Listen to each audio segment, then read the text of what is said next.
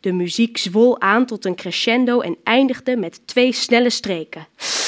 Ach, die laatste noot was een kwarttoon te laag. Oh, Poldy. Hij stond snel op en klopte aan voordat ze misschien weer verder ging studeren. Wie is daar? Ik ben het. Uh, Hans. Oké, kom maar binnen.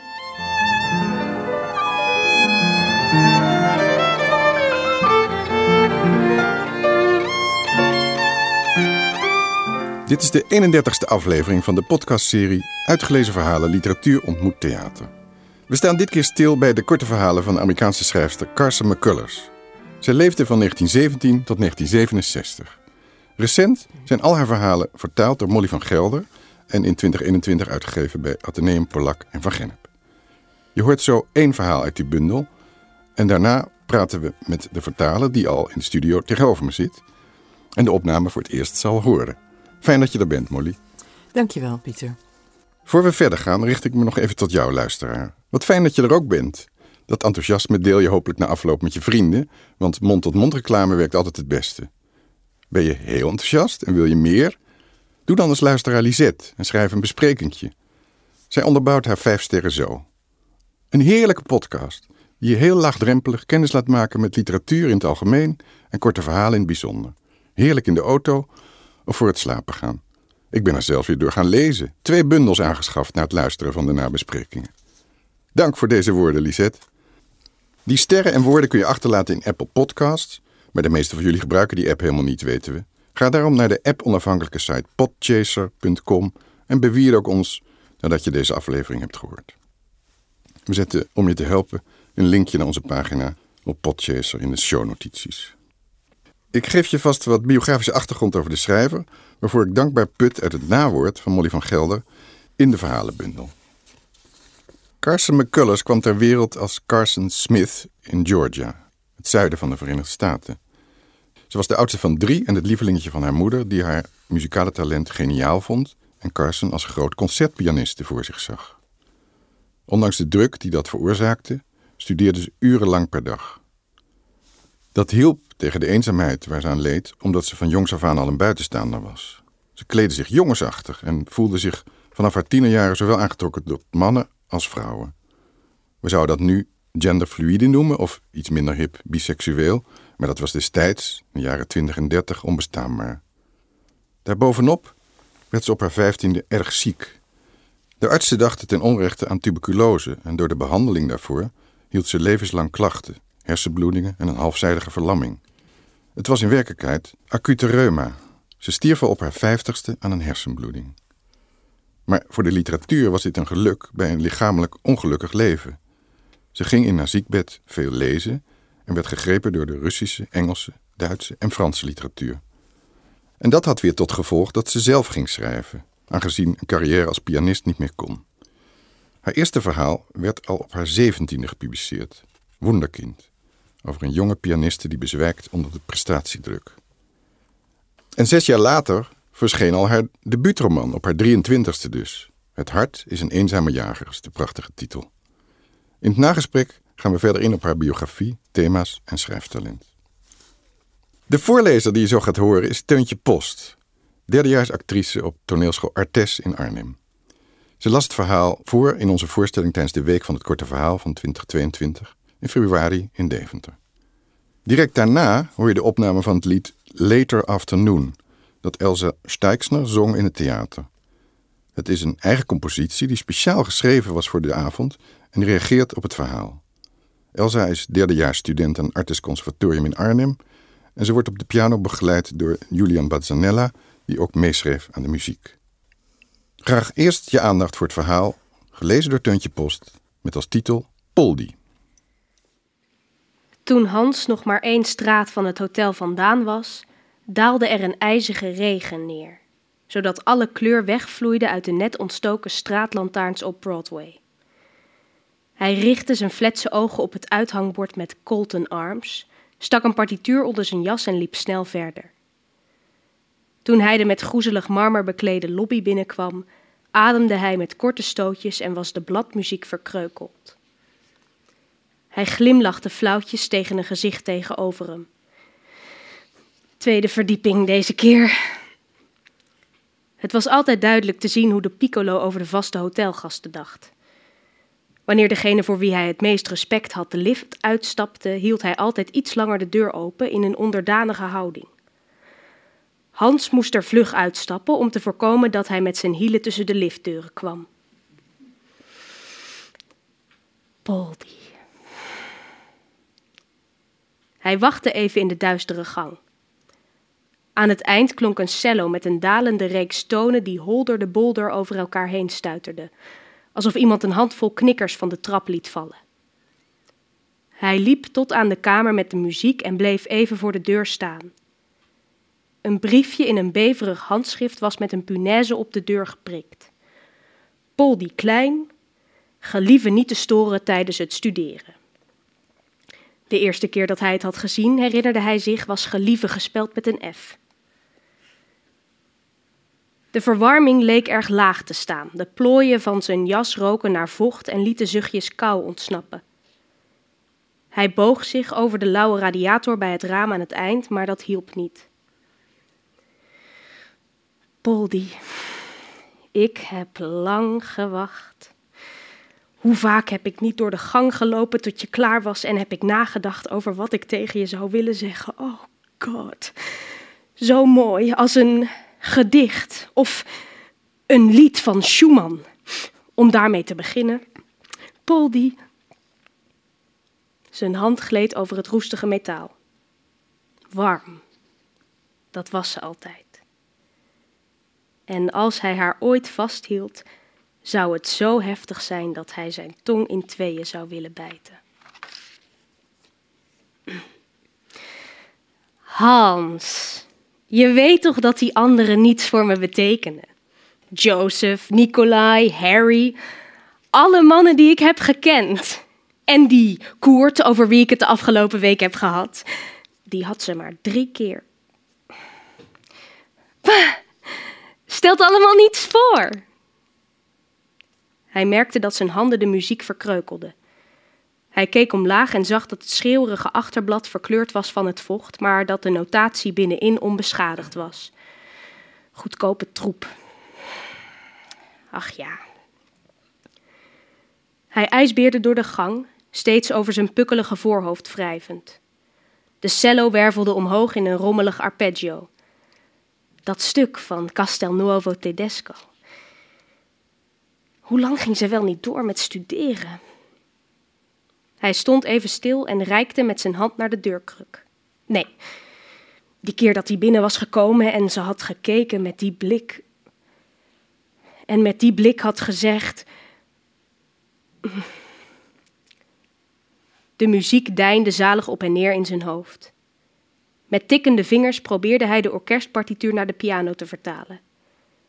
Ze zou nu voorover buigen en haar handen over de hals laten glijden. Het vale licht door het raam liet de gang grotendeels in het halfduister. In een opwelling ging hij op zijn knieën zitten en gluurde door het sleutelgat. Alleen de muur en de hoek. Ze zat zeker bij het raam.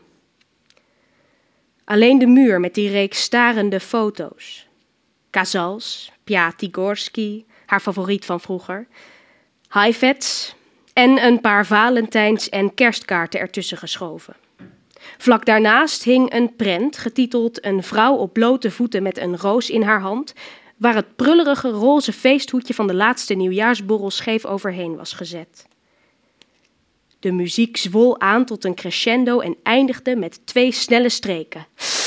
Ach, die laatste noot was een kwarttoon te laag. Oh, Poldi. Hij stond snel op en klopte aan voordat ze misschien weer verder ging studeren. Wie is daar? Ik ben het. Hans. Oké, kom maar binnen. Ze zat in het kwijnende licht van het raam aan de binnenplaats, haar benen wijd gespreid om de cello te kunnen omklemmen. Ze trok verwachtingsvol haar wenkbrauwen op en liet haar strijkstok bungelen. Zijn ogen vestigden zich op de regendruppels op de ruit. Ik, Ik, wou je alleen maar even dat nieuwe volksliedje laten horen dat we vanavond gaan spelen. Uh, wat jij had voorgesteld. Ze trok haar rok, die tot boven haar jarretels was opgekropen, naar beneden. Een handeling waar zijn blik naartoe werd getrokken. Ze had bolle kuiten en in haar ene kous zat een ladder. De pukkels op zijn voorhoofd werden roder en hij wierp weer een stilse blik op de regen. Heb je me horen studeren? Ja.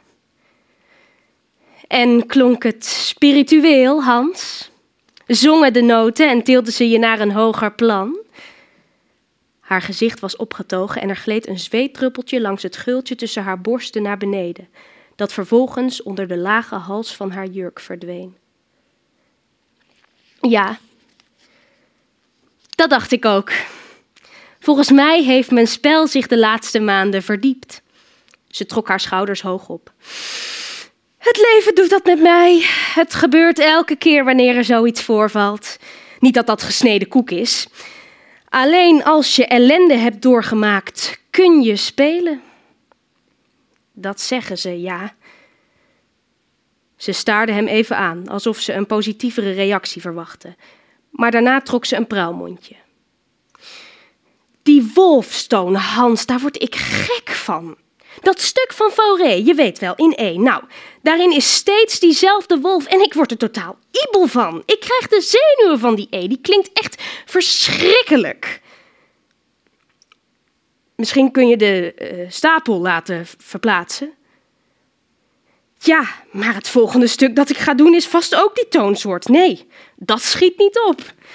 Daarbij kost het nogal wat en ik moet mijn cello dagen missen. Waar moet ik dan op spelen? Nou? Oh, als hij geld verdiende, zou ze. Uh, ik hoor het niet zo erg. Het is een schande, vind ik.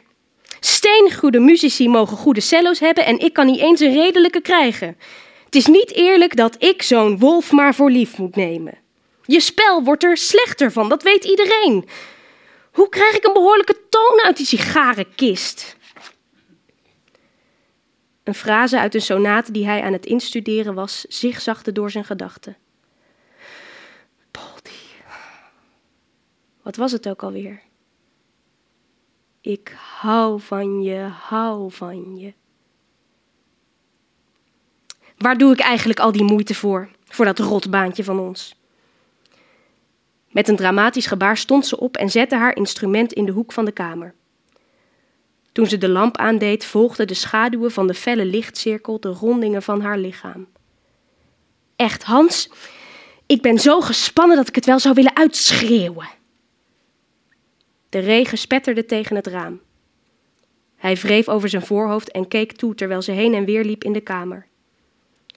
Plotseling zag ze de ladder in haar kous en sissend van afkeuring spuugde ze op haar vingertop en boog zich voorover om het spuug op de onderste rand van de ladder te plakken.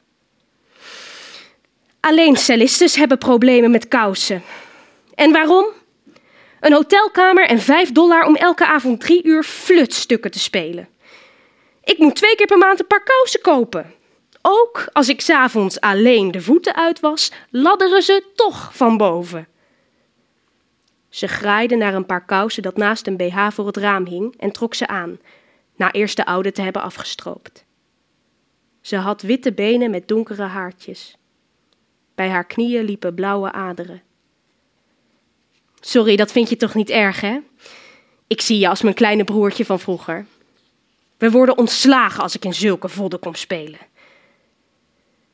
Hij stond bij het raam en keek naar de beregende muur van het naburige gebouw. Op een, vensterbank, op een vensterbank vlak tegenover hem stonden een melkfles en een potje mayonaise. Iemand had daaronder kleren te drogen gehangen en was vergeten ze binnen te halen. Treurig flapperde ze in de wind en de regen. Mijn kleine broertje. Jezus. En jurken, ging ze ongeduldig verder. De naden knappen de hele tijd omdat je je benen zo wijd uit elkaar moet doen. Maar wat dat betreft is het beter dan vroeger. Kende je me al, toen iedereen van die korte rokjes droeg? En ik zoveel moeite had om tijdens het spelen fatsoenlijk te blijven en toch met de mode mee te gaan? Kende je me toen al? Nee, antwoordde Hans. Twee jaar geleden waren de jurken ongeveer zoals nu. Ja, we hebben elkaar twee jaar geleden leren kennen, hè? Jij was met Harry na het. Moet je horen, Hans. Ze leunde naar voren en keek hem priemend aan. Ze was zo dichtbij dat haar parfum zijn neusgaten binnendrong. Ik ben de hele dag al in alle staten. Om hem, snap je? Wie? Dat weet je heus wel. Hem, Koert. Hij houdt van me, Hans, denk je ook niet? Tja, maar Poldy, hoe vaak heb je hem gezien? Jullie kennen elkaar nauwelijks. Hij had zich bij de levens van haar afgewend toen ze zijn werk zat op te hemelen. En ach, wat maakt het uit of ik hem maar drie keer heb gezien? Ik zou me grote zorgen moeten maken. Maar de blik in zijn ogen en zoals hij over mijn spel sprak, hij is zo'n grote geest. Dat hoor je in zijn muziek. Heb je de treurmars van Beethoven ooit zo prachtig horen spelen als hij toen deed die avond? Dat was mooi. Hij zei tegen mevrouw Levin dat mijn spel heel temperamentvol was. Hij kon haar niet aankijken. Zijn grijze ogen staarden naar de regen.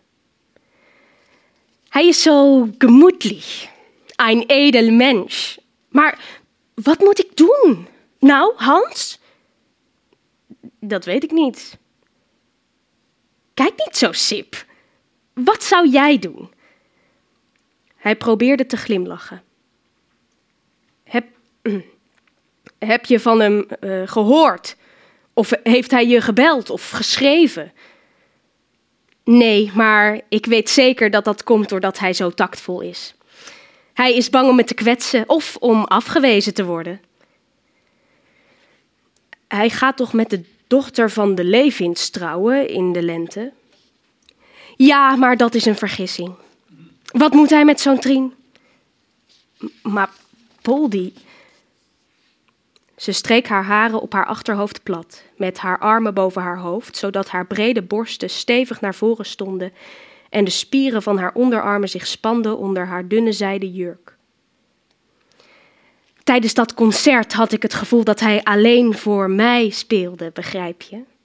Daarom heeft hij me niet teruggeschreven, omdat hij zo bang is om iemand te kwetsen en hij me dan met zijn muziek kan zeggen wat hij bedoelt.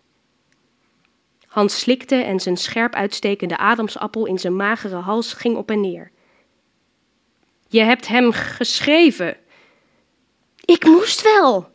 Als kunstenaar kan ik de geweldige dingen die me overkomen niet beteugelen. Wat heb je dan gezegd?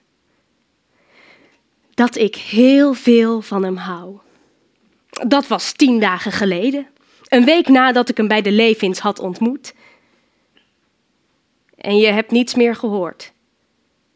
Nee, maar begrijp je dan niet hoe hij zich voelt? Ik wist al dat het zo zou gaan, dus heb ik hem eergisteren weer geschreven dat hij zich geen zorgen hoeft te maken, dat ik nooit zal veranderen.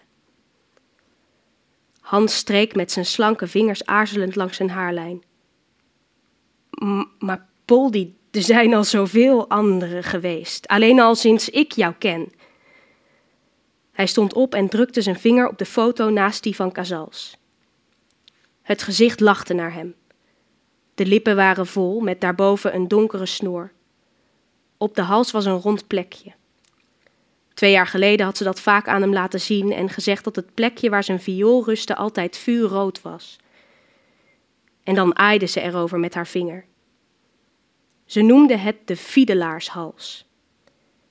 Hij bleef even naar dat vage vlekje op de foto kijken en was benieuwd of het inderdaad bij de foto hoorde of gewoon een vlekje was geworden door al die keren dat ze het had aangeraakt. De donkere ogen staarden hem met een scherpe blik aan. Hans voelde zijn knieën verslappen en ging weer zitten. Zeg eens eerlijk, Hans. Hij houdt van me, denk je ook niet? Je denkt dat hij eigenlijk van me houdt, maar wacht op het juiste moment om te antwoorden. Ja, toch? Een dun waas leek alles in de kamer te bedekken. Ja, zei hij langzaam. Haar gezichtsuitdrukking veranderde. Hans! Trillend leunde hij voorover. Je. Je ziet er vreemd uit. Je neus wiebelt en je lippen trillen alsof je moet huilen. Wat. Poldy. Plotseling lachte ze door haar vraag heen. je lijkt op dat rare katertje dat mijn vader vroeger had. Hij liep snel naar het raam zodat zijn gezicht van haar was afgewend. De regen glibberde nog steeds van de ruit, zilverachtig, ondoorzichtig. In het naburige gebouw brandden de lampen, die een vaag schijnsel door het grijze schemerlicht verspreidden. Ach. Hans beet op zijn lip. In het raam leek het. Het leek op een vrouw, Poldy, in de armen van een grote man met donker haar. En op de vensterbank naast de melkfles en het potje mayonaise zat een rode kater in de regen naar binnen te kijken. Langzaam wreef Hans met zijn knokkels over zijn oogleden.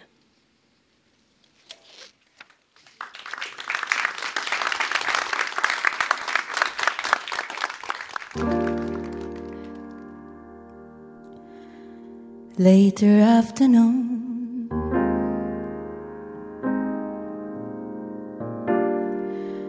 Golden hour, but my thoughts turn blue. Daydreams coming soon. And that is when I with you. In my solitude, I'll find a quiet corner of my mind, a place to see you, even in the gloom.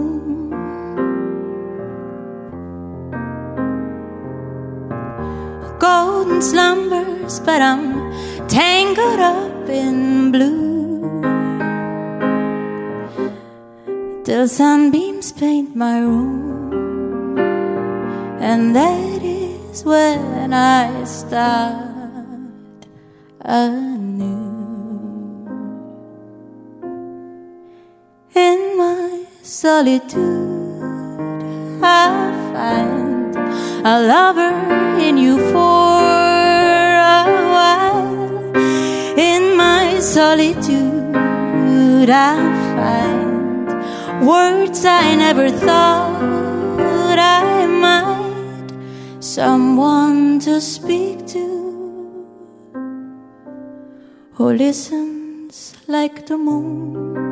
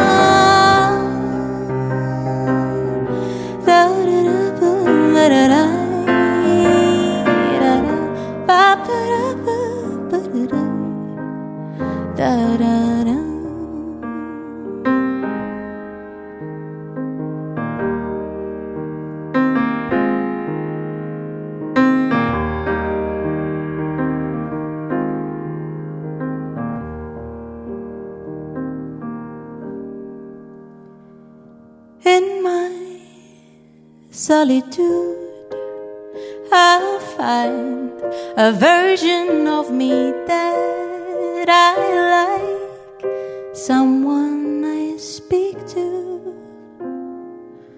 later afternoon.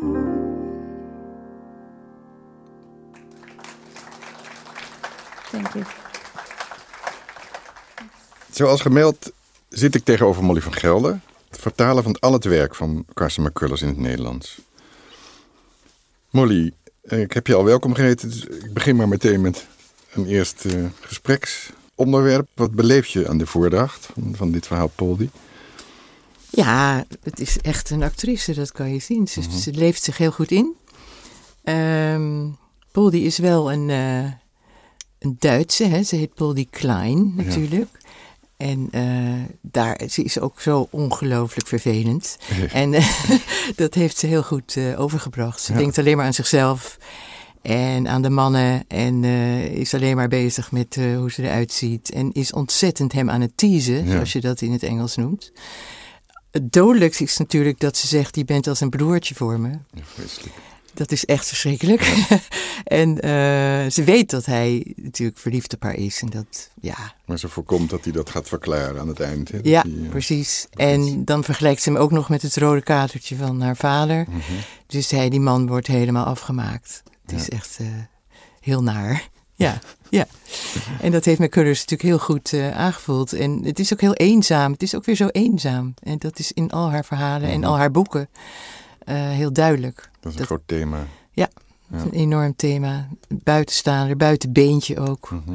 Want die jongen is natuurlijk ook heel erg contactgestoord. Dat merk je gewoon. Ja. Hij, eh, hij is heel eenzaam, ja. En Ook heeft pukkels. En, Ja, Ehm, dat is niet zo duidelijk. dat is niet zo duidelijk. Maar Hans, weet je niet Ja, Hans. Hans, je kan het zo uitspreken. Ja, ja. En de muziek, wat vond je dat? eh, wat vond je daarvan? ja, ja. ja. Ehm, Solitude. Ja. Nou ja, dat heel eh, goed. ja het, eh, het, eh, het is een mooie uitbreiding ervan, Ja. zeker.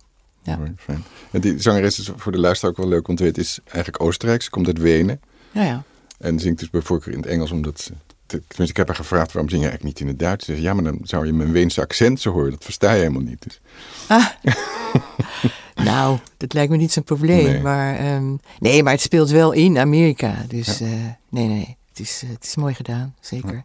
En zo leuk, dat wou ik trouwens even zeggen Mhm. van tevoren. Maar dat ik het zo leuk vind dat jij of jouw organisatie eh, zich op het korte verhaal richt. Wat natuurlijk in Nederland een onderbelicht eh, genre is. Ja. En in Amerika het ongeveer is uitgevonden, dat genre. Ehm, en dat uitgevers dus ook heel huiverig zijn altijd om korte verhalen uit te geven. ja. Dus dat ik ook heel blij ben dat Atheneum dat nu mhm. wel heeft gedaan. Ja. Maar ik heb het idee dat het wel beter gaat met het korte verhaal nu. Ja, het is wel een, een soort van opleving, maar nog steeds Ja, ja, wordt het stukken minder verkocht dan, dan romans natuurlijk. Ja. Ik heb het concert afgekeken van een New Yorks initiatief, Selected Shorts. En ook daar zei de programmeur van ja, maar eh, korte verhalen in Amerika worden wel veel meer door de, door de tijdschriften geantameerd en Ja. eh, bundels uitgegeven dan. Maar nog steeds is daar ook een enorm verschil tussen het verkoop van romans en ver- verhalenbundels. Dus het is misschien gewoon eens percentueel moeten we het bekijken. En het Ja, zal het altijd een Ja. liefhebbersgenre blijven. ja. Nou ja, ik, ik, iemand zei tegen mij, ja, ik, ik hou niet van korte verhalen, want je moet er meteen, het is zo kort, Ja. en je moet je meteen eh inleven in van alles. En ik heb Mhm. liever het trage van een roman, Ja. dat, je, hè, dat je een soort continuïteit hebt in de personages en alles. En nu is het meteen, hup, Ja. in media res, zoals dat heet. Ja. Ja. daarom is misschien wat die Lisette ook zei, in de auto fijn om een kort verhaal te luisteren. Of Ja. voor het naar bed gaan, dan heb je ook een soort afgerond kwartiertje. ja, precies. Of te lezen. Ehm, dit was een van de 19 verhalen uit de bundel eh, die je vertaald hebt. Vind je het een goed voorbeeld van haar talent? Zeker. En je kan ook zien dat ze echt eh, groeit. Hè? Mhm. In, eh, ik had oorspronkelijk tien verhalen uitgezocht. omdat ik die eerste echt wel een beetje ja, prematuur misschien vond. Of een beetje een soort vingeroefeningen bijna. En eh, je ziet, ja, je leest dus dat ze groeit. Dat ze, dat haar, dat ze steeds meer eh, die vorm begrijpt en dat ze steeds meer erin komt Mhm. om iets te vertellen. En vooral, bijvoorbeeld dat verhaal Sucker, dat vond ik eigenlijk inderdaad, op haar zeventiende vond ik, ehm, nou ja, eh, laat ik het zo zeggen, niet een heel geweldig verhaal, maar ik, snap, ik snapte meteen wat ze wou. Mhm. En het past heel erg, nou helemaal in haar hele oeuvre. Gewoon het, het jongetje dat eh, ja, wordt uitgestoten eigenlijk. En zo is haar hele leven geweest. En al haar thema's gaan daarover. Mhm. Over eenzaamheid, over buitenbeentje zijn, over eh, ongelukkige liefdes. eh, Het lijkt een en al ellende, maar bij McCullers is het goede dat ze ook humoristisch is. Ja, een soort lichte toon. Een soort lichte Ja. toon houdt. Dat vind ik heel knap. En alles komt natuurlijk samen in de hart, maar daar kunnen we het misschien eh, nog over hebben. Ja. ja, het is natuurlijk wel een korte verhalenpodcast. Dus maar je, Ja, we nee, kunnen best ook het. over eh, haar beroemdste roman eh, nog even praten. Ja. Nog even door over Polly. Het is ook een muzikaal verhaal in ritme en melodie, Ja. vind ik. Dat heb je dus ook mooi overgebracht in het Nederlands. Speelt het vaker als thema of achtergrond in andere verhalen? Heel vaak. Ja. Daar heb ik ook. eh, ja, dat viel me eigenlijk pas op toen ik die verhalen las. Mhm. Dat echt eh, eh, een derde minstens, of misschien wel de helft, komt één of andere vorm van muziek voor. En eh, wordt gevoelens worden vergeleken met muziek. Ja. Ehm, toen ze ziek was, verdiepte ze zich in muziek ook. Vooral dus in Bach. En dat heb ik ook uitgelegd in de, in de fuga's. Mhm. En haar verhalen zou je bijna kunnen zien als een soort fuga. Met steeds terugkerende thema's die steeds weer iets anders zijn, maar worden uitgebreid en op het eind toch weer samenkomen. En dat, dat vond ik een heel mooi eh, beeld. En het klopt ook wel. Het klopt. En dat ze in dit verhaal ehm, eh, die cello vergelijkt klanken met, eh, met knikkers. Ja. Ik weet, eh, er was een recensie van Rob van Essen in Ja. de NRC die dat niet kon volgen, dat Ja. beeld. En ik ben het met hem eens. Ehm, ja, maar het staat er wel. Dus je moet je als vertaler natuurlijk aanpassen aan wat de schrijver zegt. Dat die knikkers die van een trap rollen. Ik bedoel, het is een strijkinstrument. Dus het is, je kan je voorstellen dat misschien met hele korte, heftige streekjes dat het wel zo klinkt. Of misschien juist eh, dat zij zo eh, speelde. Namelijk niet zo heel erg Tokkelend spiritueel of- en eh, ja, ja. ja. Ja. niet zo zangerig. Ja.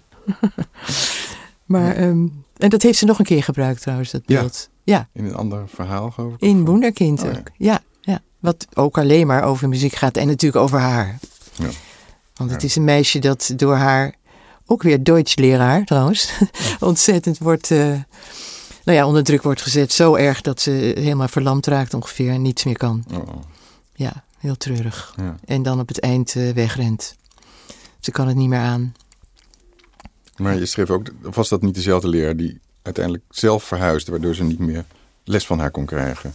Dat is haar, haar persoonlijke verhaal, ja. Ja. Ja, ze had les van eh, een vrouw Oh, die eh, zelf concertpianiste was geweest. En waar ze een enorme band mee had. En zoals ik al zeg, misschien verliefd op was. Want Carson McCullers was vaak, eh, nou verliefd, maar heel erg gefascineerd. En zelfs, eh, hoe noem je dat? Waar is een woord voor? Dat je zo geobsedeerd bent door iemand.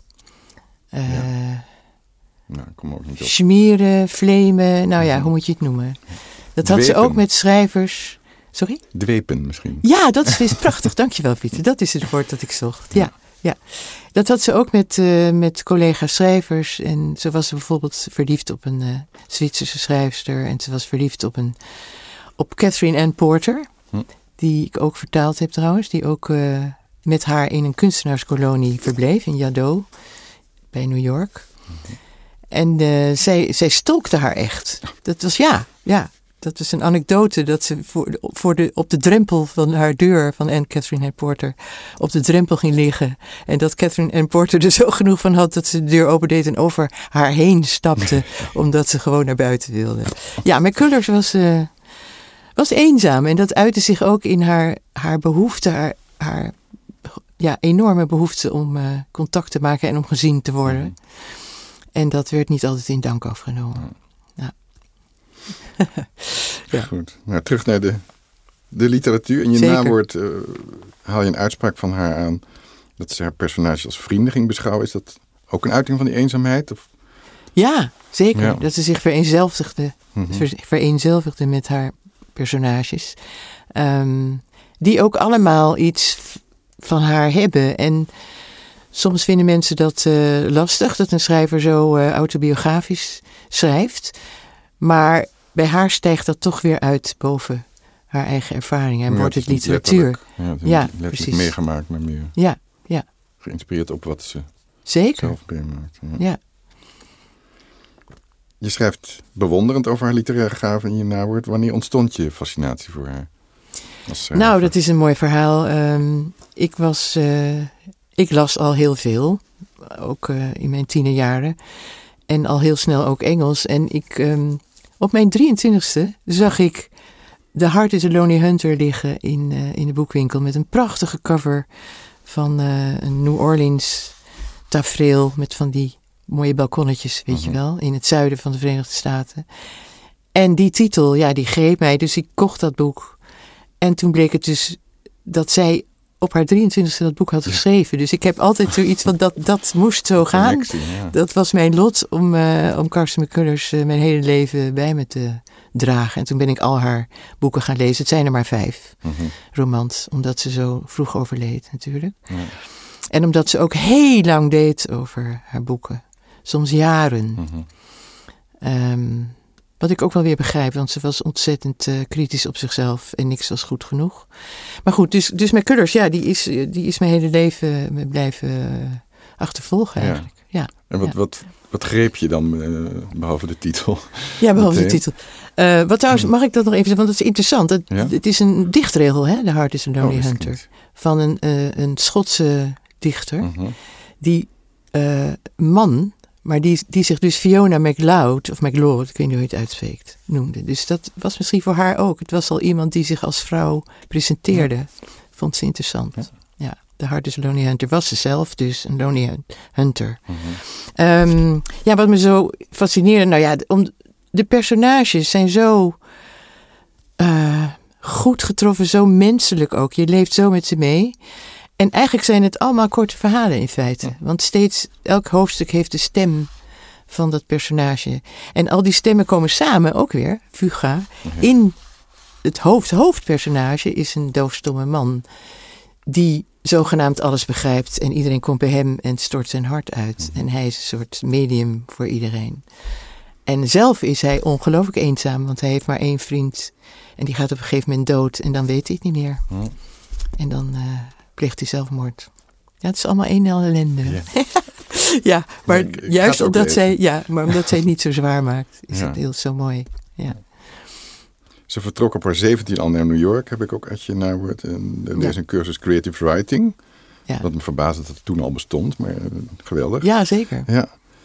En daar bleef ze grotendeels wonen in New York. hè. Heeft dat invloed gehad op haar thema? Ging ze meer grootsteedse thema's? eh, Nou, eigenlijk zoeken. niet, want ze, ze, ze, ze ging toch weer steeds terug naar haar zuidelijke wortels. Hoe, hoe moeilijk het ze daar ook wel had in haar jeugd en ook later. In dat eh, racistische zuiden ook. Maar ehm, hoewel haar verhalen trouwens niet allemaal spelen hoor, in het zuiden. Daar heeft ze gewoon... Ja, dus wat dat betreft heeft ze wel een paar grootstedelijke verhalen opgenomen. ja, dit Paul die Ja. zou ook Ja. in New York kunnen spelen. Zeker. Ja. Ja, ja, ja. Ja, zeker wel. Bij Ja. een, eh, ze waren allebei aan het conservatorium, neem ik aan, Ja. die twee. Ja, de- dat- Juilliard of zoiets. Ja. Hm. Julia, ja. je noemde het al, ze eh, het racisme in het zuiden waar ze opgroeide. Maar daar was zij wars van. Ja. En dat, ehm, hoe uitte zich dat in een fictie? Eh, Deed ze daar wat mee? Ja, zij maakte geen onderscheid. Ze heeft. Er was natuurlijk in die tijd hadden mensen zwarte eh, keukenmeiden en zwarte nannies. En, en, maar zij heeft die personages juist heel, eh, echt een, een hele waardevolle stem gegeven. Een gelijke stem Ja. gegeven. Eigenlijk in al haar verhalen maakt ze geen verschil. En zijn die zwarte mensen gelijkwaardig bijna. Ja. En dat werd haar ook weer niet in dank afgenomen. Hè? Zij werd echt eh, uitgekotst door de zuidelingen. Mhm. Als een niggerlover, als ik dat woord mag gebruiken op de radio. Ehm, anders knip je het er maar uit. maar zo heette dat. ja. Ja. Uitzonderlijk voor die tijd ook, denk ik. eh, Dat je, Uitzonderlijk. Ze Ja. was in, op, in alle opzichten een buitenbeentje. Ja. In hoe ze eruit zag. In ook haar hele leven. Hoe ze, hoe ze dus als jong meisje naar New York vertrok. En zich helemaal ont, ontworstelde aan, dat, eh, aan haar milieu. En eh, ze woonde op een gegeven moment in New York met allemaal kunstenaars. Met, noem maar op, Auden en Benjamin Britten. Mhm. En, nou, ik kan ze zo gauw niet noemen. Er is ook een heel boek over geschreven. eh, over die kunstenaar, dat kunstenaarshuis waar Ja. ze in woonde. Ja. Midak Street, ja, woonde ze. Dus ze was, eh, en ze was ook niet makkelijk. Ze was eh, heel uitgesproken. Ehm, een heleboel mensen vonden haar denk ik ook niet zo aardig. En ik ik vind het dus heel jammer dat ik haar nooit heb kunnen ontmoeten. Want Ja. ik ben zelf ook heel benieuwd. Ik heb haar wel gehoord op de radio en in, in opname met die Southern drawl. Hè. Ze heeft een hele slepende Zuidelijk-Amerikaanse accent. Ze was zwaar aan de drank. Ze had altijd een thermosfles met, eh, daar zat dan sherry in, in plaats van hete thee. Eh, nou ja, er zijn heel veel anekdotes over haar. Ze was gewoon niet makkelijk, maar ze, ze maakte veel vrienden in de kunstenaarswereld. Truman Capote en eh, Tennessee Williams Hmm. en zo. Dus grote namen. Die haar ook allemaal als schrijver bewonderden. Nou, ze publiceerde ook niet onder eigen naam, hè, maar onder die van haar man McCullers. Ja, En is dus, ja dat is dan weer vreemd Ja. voor zo'n vrijgevochten Ja. vrouw. Ja. ja. dat is dan net een stap te ver geweest misschien. Maar ze is twee keer met hem getrouwd geweest, las ik. Hoe zit dat? Nou ja, ze, ze waren. Ja, kan niet met hem en zonder hem, Mhm. hè, zo'n beetje. eh. en hij was ook eh, schrijver, tenminste wilde dat worden. En leed enorm onder het feit dat zij zo beroemd werd en hij niet. Ehm, hij was ook biseksueel. Hm?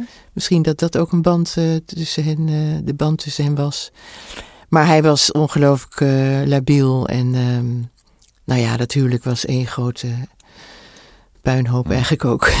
Maar gescheiden en dan toch maar weer bij elkaar. Nou, ja, en ja, toch weer. En toch weer met hem getrouwd. En ze kon ook niet zonder hem. En, maar op een gegeven moment wilde hij uit het leven stappen samen met haar. Ook wel zo'n heel romantisch idee, weet je wel. Van, wij zijn eh, eigenlijk te goed voor dit leven en we stappen eruit. En dat wilde ze niet. Mhm.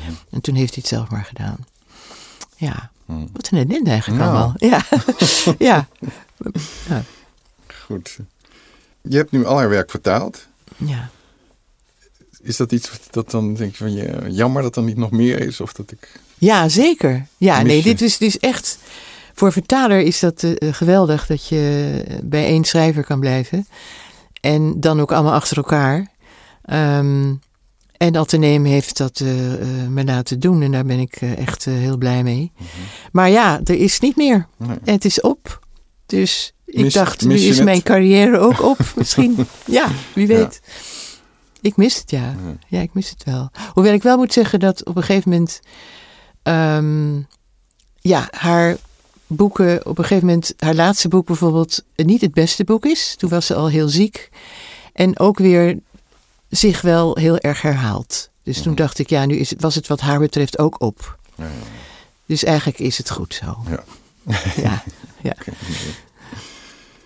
Nou, veel dank voor dit gesprek, Molly. Nou, graag gedaan. En ik hoop dat, eh, dat eh, de Nederlandse lezer eh, ook zo gaat genieten van haar in vertaling als ik eh, dat heb gedaan in het origineel Ja. en heb ervaren tijdens het vertalen. Ja.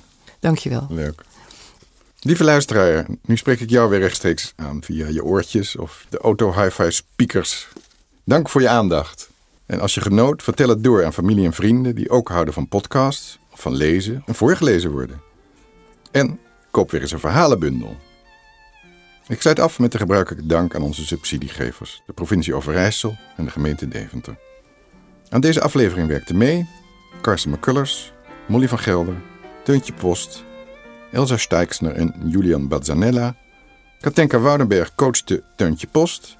Huub Krom verzorgde de opname van het gesprek in de studio Orbit. Joep van de Pavoort nam het verhaal op in Theater Mimic.